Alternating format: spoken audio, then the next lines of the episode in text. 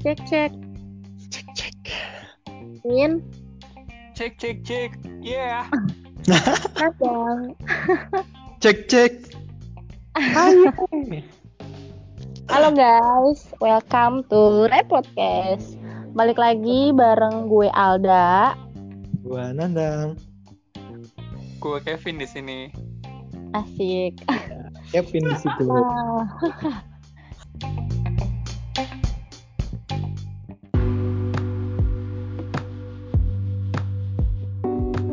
Sekarang kita bakal ngobrol ngobrol singkat, nggak ngobrol singkat sih, ngobrol-ngobrol nyantai aja bareng Kevin yang sedang libur dan bareng Nandang yang sedang eh, liburan.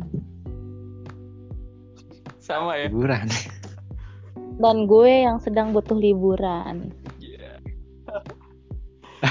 Oke, eh gue mau nanya nih ke kalian berdua. Menurut tuh? kalian pernikahan itu apa sih? Wah. Ih.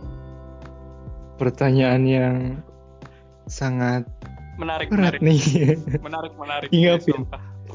Menarik ya. Coba coba dijawab dong, Oh. coba. Kalau dari- dari lu dulu Nah. gimana, Pin? Bagaimana dari soal pernikahan Dari tuh? nih. Wow. Ya dari lo yang kayaknya udah siap. Eh, Iya kalau dari gue ya eh, pernikahan itu adalah sesuatu yang sakral ya. Eh, pasti yang cuman mau dilakuin oleh dua orang dan sekali seumur hidup. Harapannya pasti tujuan hidupnya bakal sempurna kalau udah melakukan pernikahan. Eh, tapi di dalam pernikahan juga bakalan makin banyak menghadapi rintangan. Pokoknya eh, kita sebagai pribadi pasti bener-bener diuji sih. Seberapa tahan kita, seberapa kita pengertian sama pasangan. Pokoknya kita bakalan belajar banyak di pernikahan ini. Eh, sedikit sih pasti banyak juga di antara kita yang dikasih tentang nasihat sama orang tua tentang menjalani pernikahan. Eh, ternyata pernikahan emang nggak selalu ngebahas seneng, pasti juga ada jatuhnya, Eh, ada dramanya juga. Dan yang pasti cuman orang-orang yang kuat buat bertahan kalau dari gue sih kayaknya segitu deh eh makasih Dalam Kevin. Kayaknya udah siap banget ya Nan. Hmm, Emang yang paling emang emang yang paling matang banget dari kita bertiga sih Kevin. Makasih. telur matang Hai Bambang. Kalau dari lu Nan gimana Nan? dari gua menurut gua pernikahan itu ya antara dua orang yang udah siap yang udah siap saling menerima satu sama lain gitu. Soalnya kan pasti pernikahan itu kalau gue kan ya benar tadi kata Kevin pernikahan kan se hal yang sakral ya. Jadi pasti tiap orang maunya ngelakuinnya satu kali seumur hidup gitu.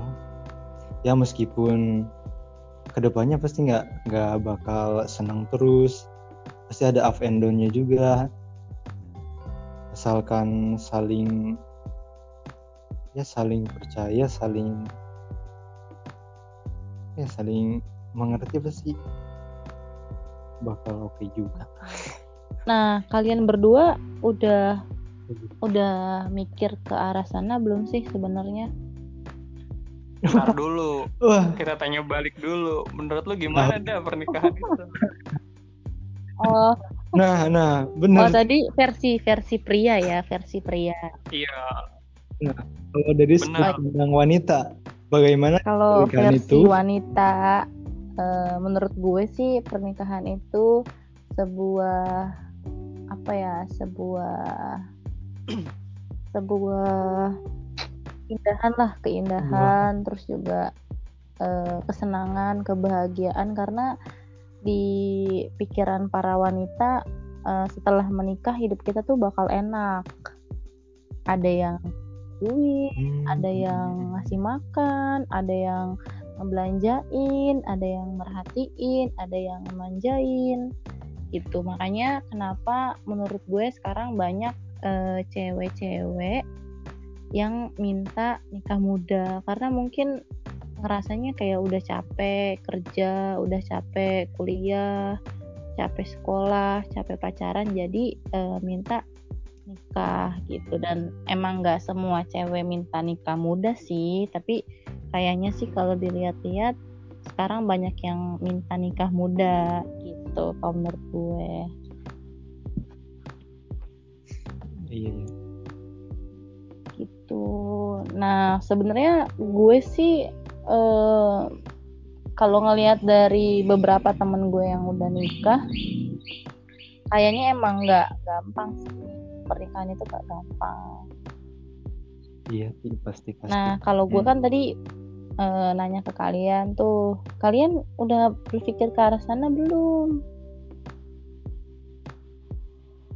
Hmm. kalau Mm-mm. gue nih ya kalau gue pasti uh, tiap orang pasti mikir udah mikir ke situ. Apalagi kan udah umur segini wah mau umur lagi. Ya pasti tiap orang punya pi- uh, punya pikiran ke situ lah gitu. Jadi udah mau ke depannya mau gimana nanti gitu. Udah nyiapin mungkin nyiapin dari sekarang buat ke depannya gimana. Iya. Kalau Kevin Pin Iya sih kalau ditanya tentang pernikahan ya pasti ke arah sana sih pasti nyiapin ya. Mungkin ke lebih ke arah Mm-mm, iya. persiapannya. Kalau gue dari pribadi Hmm, selain persiapan tentang materinya, eh gue juga mempersiapin Hmm. buat mental, sikap, terus eh, sebenarnya sih introspeksi diri juga sih. Kita bisa ibaratnya kalau laki-laki kan pemimpin ya di rumah tangga. Nah kita ini udah bisa tanggung Ya, betul. jawab bener-bener. sama pasangan kita atau belum terus eh, kita udah bisa jadi imam yang baik atau enggak terus eh, setiap laki-laki juga kan punya kekurangan nah di sini tuh gue kayak lebih mau memperbaiki kekurangan gue Bener-bener. itu kalau kalau laki-laki iya bener. jadi eh, sebisa mungkin kalau nanti gue udah masuk ke yang namanya pernikahan ya gue bisa semaksimal mungkin ngurangin kejelekan-kejelekan gue sendiri dan kalau bagus pasangan gue itu bisa support buat ngelengkapin kekurangan gue ini jadi eh, di dalam satu pernikahan ini kita bisa saling support gitu. Dan kalau bisa eh, saran gue sih eh, pasangan itu perlu banget yang bener-bener nerima kita gak cuman pas kelebihan kita aja. Jadi kekurangan kita sampai seberapa jeleknya tuh dia masih mau nerima. Jadi cari yang bener-bener sayang sama kita gitu loh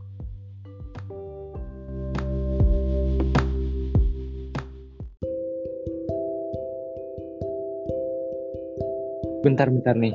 Lo nanyain pernikahan? Kenapa nih tiba-tiba nanya gitu? Ya nggak pin? Bener. Tumben nih. Apa jangan-jangan jangan-jangan? Ada.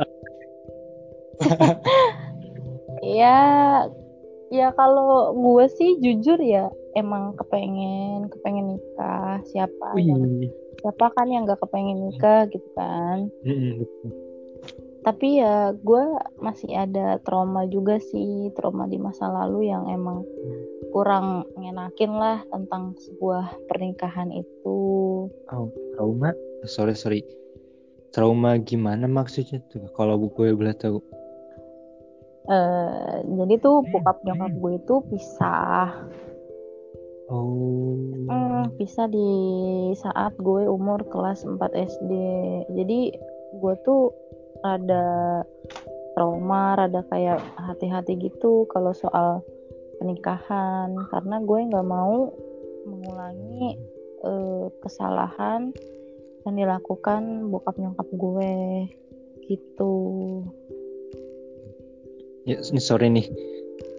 Kalau pertanyaan gue agak privacy sedikit emangnya uh, alasan nyokap bokap lo pisah tuh gara-gara apa sih gitu kalau gue boleh tahu kalau pisah sih menurut gue karena duit ya karena ekonomi ya. Makanya nikah itu kan nggak cuma sekedar makan tidur terus nggak sekedar enaknya doang. Ya ekonomi kan juga sangat berpengaruh ya. Mungkin iya iya. pada saat itu bokap gue atau nyokap gue yang emang nggak bisa mencukupi kebutuh kebutuhan dari salah satunya jadinya ya bertengkar terus juga pisah lah gitu berarti uh, faktor dari ekonomi juga berperan penting juga ya di dalam pernikahan itu. Iya, iya pasti sih.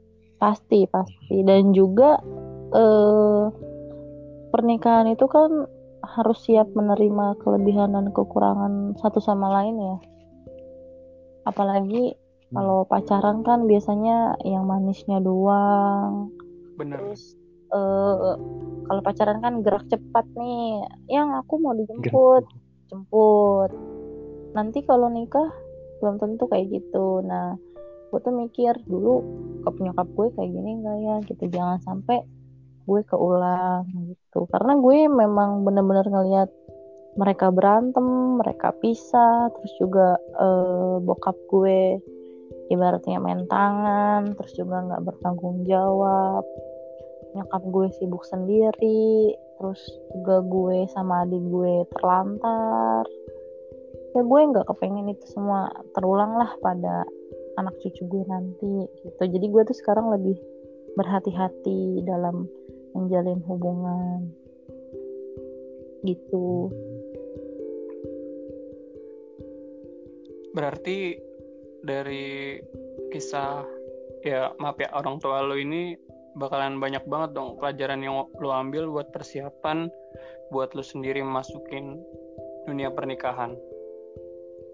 Banyak banget lah tapi gue eh, apa ya bersyukurnya gue tidak seperti anak broken home yang lain ya pin. Maksudnya biasanya kan anak broken home itu ada yang melampiaskan amarahnya terus eh, melampiaskan emosinya dengan cara narkoba mungkin terus eh, seks bebas atau mungkin melakukan hal-hal aneh lah misalkan kayak ngerokok ya gitu-gitu deh. Nah gue tuh bersyukurnya gue masih uh, di jalan yang lurus tapi tidak terlalu lurus gitu loh. Bengkok tapi tidak terlalu bengkok.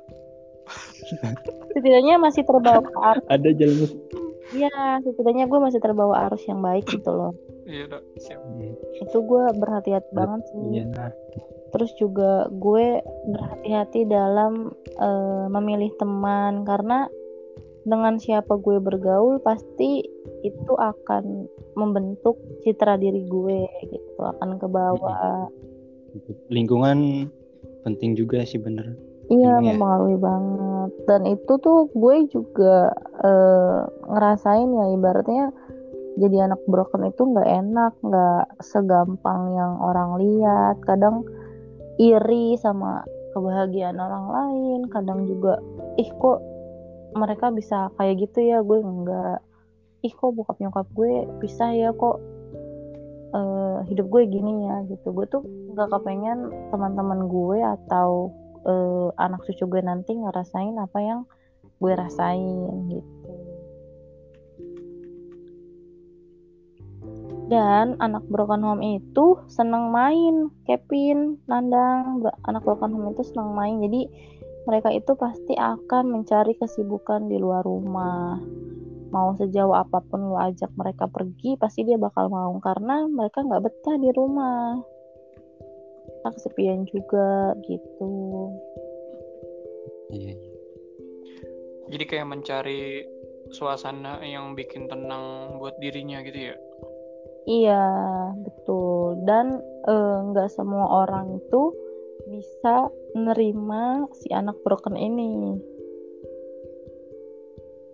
Kadang kan ada yang, ih dia anak broken home, gue nggak mau temenan, ah dia rusak. Ih gue nggak mau temenan, ah bokapnya kayak gini, nyokapnya kayak gini. Nah, kadang tuh ada teman-teman Padahal kan yang iya, kayak gitu juga. Gimana? ya kan padahal kan eh, dengan broken home bukan berarti si anak itu jadi kurang baik juga sebenarnya ya. Iya sih, tapi memang cit- eh, citranya seorang anak broken home itu 80% sih menurut gue buruk. Menurut gue.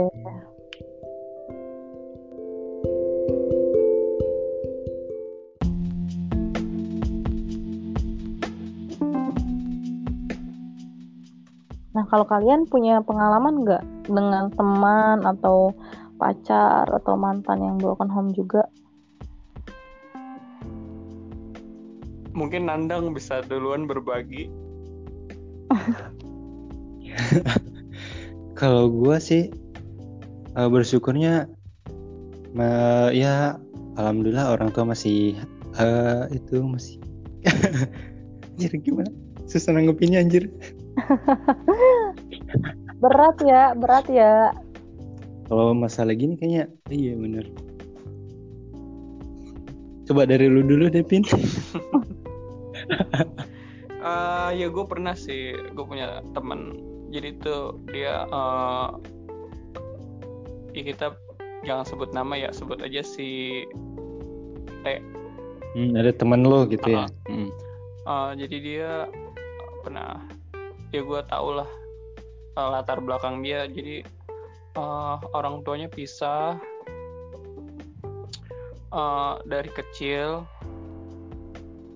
bro masuknya sih eh, kayak pisah ranjang ya Hmm. Eh, ya jadi mungkin karena kelakuan ayahnya yang kurang baik eh, yang masih dalam tanda kutip bandel gitu ya Mm-mm. Uh, tapi ya mungkin dia ngerasa suasana di rumahnya itu udah mulai nggak baik antara ayahnya sama ibunya Mm-mm. ribut terus. Pokoknya yang bikin suasana rumah tuh berasa kayak bukan surga lagi. Jadi dia malah kayak kesiksa gitu karena suasana rumahnya. Uh, jadi dia mencoba kayak buat cari suasana baru di luar. Jadi dia pada temennya yang ngajak main dia pasti selalu mau karena dia pikir tuh yang ada di mindset pikirannya dia eh, suasana di luar rumah mungkin lebih nenangin dia teman-teman dia tuh bisa nenangin dia bisa lebih hibur dia dibanding orang-orang terdekatnya karena dia sendiri mungkin merasanya keadaan di rumah aja kayak udah nyiksa banget gitu kan. Nah, eh, setelah dia dari kecil kayak gitu, ngerasain suasana kayak gitu, eh, sekarang dia udah kerja, udah bisa cari duit. Eh, gue masih temenan juga sih sama dia kan. Eh, sekarang dia sih karena dia udah mulai dewasa ya, jadi dia udah mulai berpikir eh, ternyata berada di posisi itu tuh bener-bener nggak enak. Tapi yang harus dia raih tuh tetap ada jadi tetap ada tujuan hidup dia jadi uh, dia tuh nggak terbawa ikut hancur karena suasana di rumahnya nggak enak. Jadi kepribadi dia tuh dia nggak boleh kayak putus asa nggak boleh menyerah gitu. Tapi dia tetap keep fighting buat masa depan dia. Dan dia tetap berpikir positif ke depannya. Sekarang mungkin karena dia udah bernalar yang dewasa gitu lah ya. Jadi udah bisa membedakan mana yang baik mana yang buruk. Jadi kalau kata gue sih eh, bekal dia tuh buat masuk ke pernikahan kayaknya kuat juga karena mungkin pengalaman hidup dia yang lumayan berat ya. Maksudnya jadi tumbuh di keluarga yang keadaannya antara ayah sama ibunya itu nggak baik. Jadi ngebuat dia jadi pribadi yang kuat. Tapi gue salut sih sama daya juang dia. Dia nggak nggak kepengaruh ke hal-hal negatif gitu. Jadi dia tetap berjuang sampai akhirnya dia bisa kerja cari duit. Mungkin dia bakal melanjutin kuliah juga. Jadi intinya sih dia tetap berjuang buat hidupnya kalau masih ada cita-cita yang harus dia raih ya itu mungkin pengalaman teman gue kayak gitu ada.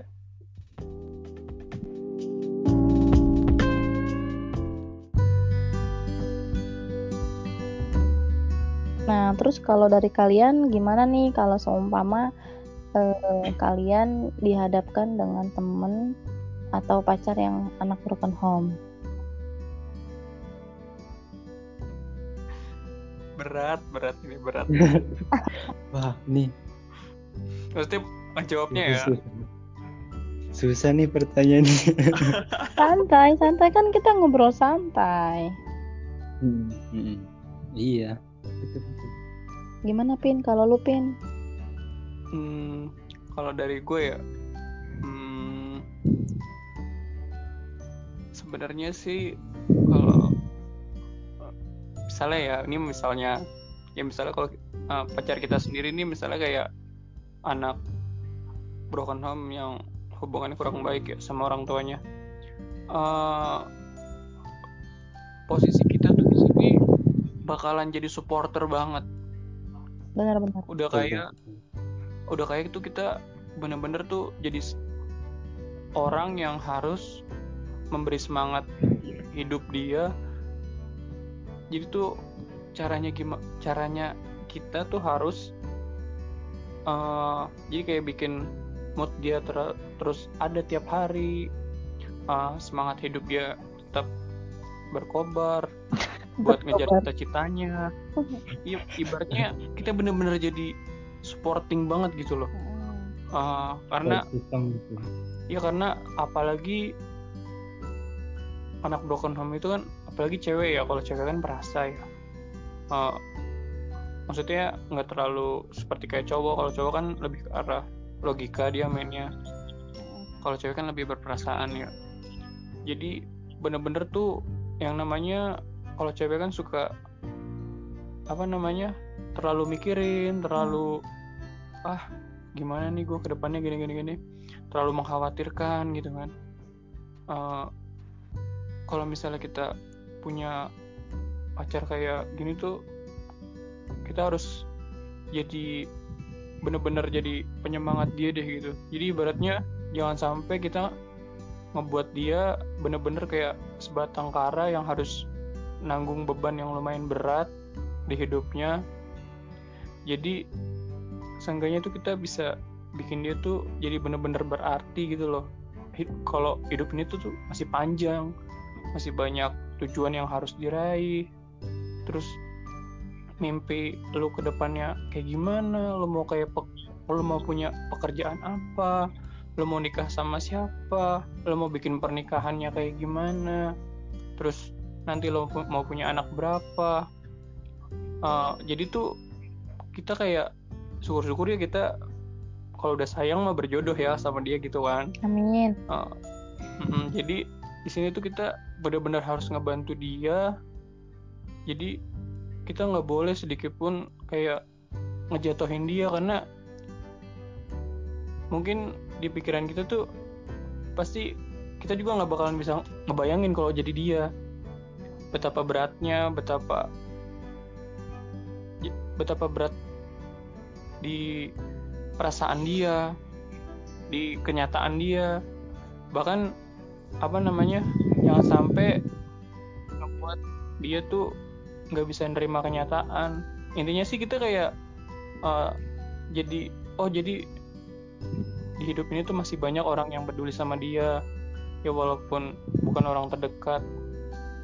Yang intinya kita bisa ngebantu di hidupnya ya walaupun cuman ngebangkitin semangat buat hidup semangat buat ngejar cita-cita semangat buat ngejar tujuan yang masih banyak gitu loh jadi kalau kata gue sih perannya cukup besar juga sih sebagai orang terdekat dia.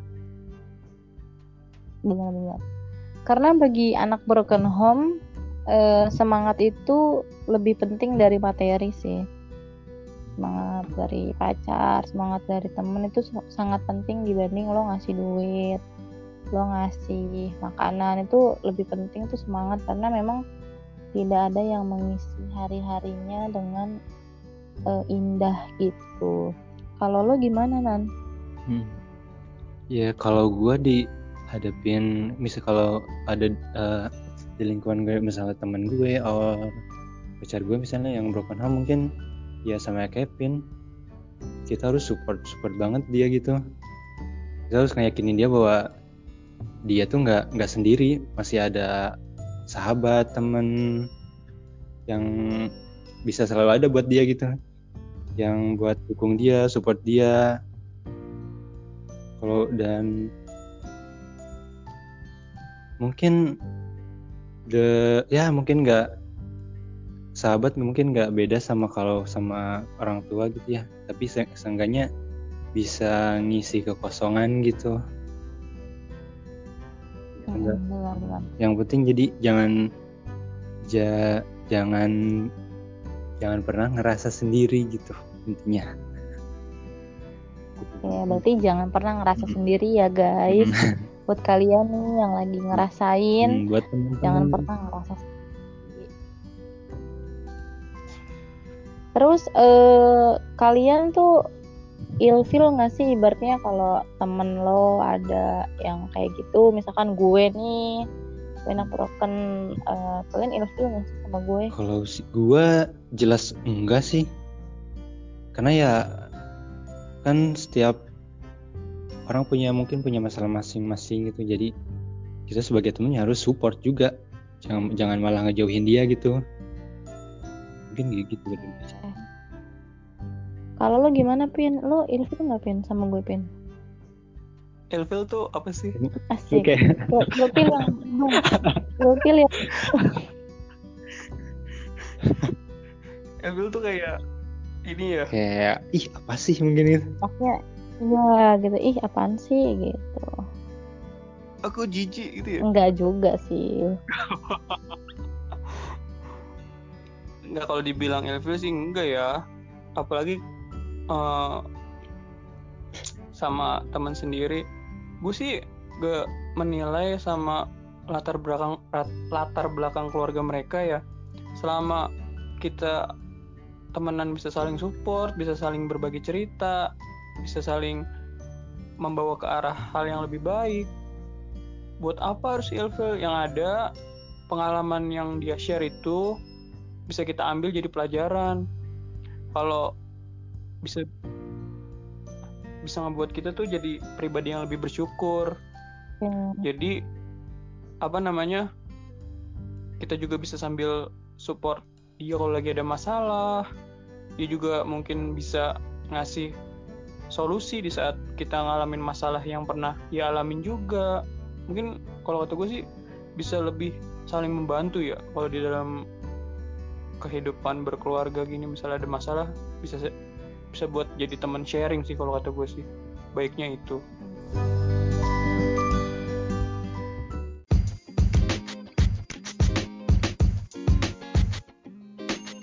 Oke, okay, kayaknya uh, segitu obrolan kita malam hari ini. Cukup berat sih ya, tapi uh, kita tetap santai. Terus juga ini kan kita sama-sama belajar ya guys. Jadi semoga apa yang kita obrolin malam ini bisa berguna bagi teman-teman yang lagi ngerasain. Oke, okay, thank you Kevin udah mau nyempetin waktunya. Okay. Thank you Nandang udah ngasih saran juga buat teman-teman yeah. yang lagi susah. Semoga kita bisa ketemu uh, di lain kesempatan dan apa yang kita udah obrolin malam ini bisa diterima dan bisa berguna bagi teman-teman yang lagi ngerasain. Thank you Kevin, thank you Nandang. Bye-bye. Bye.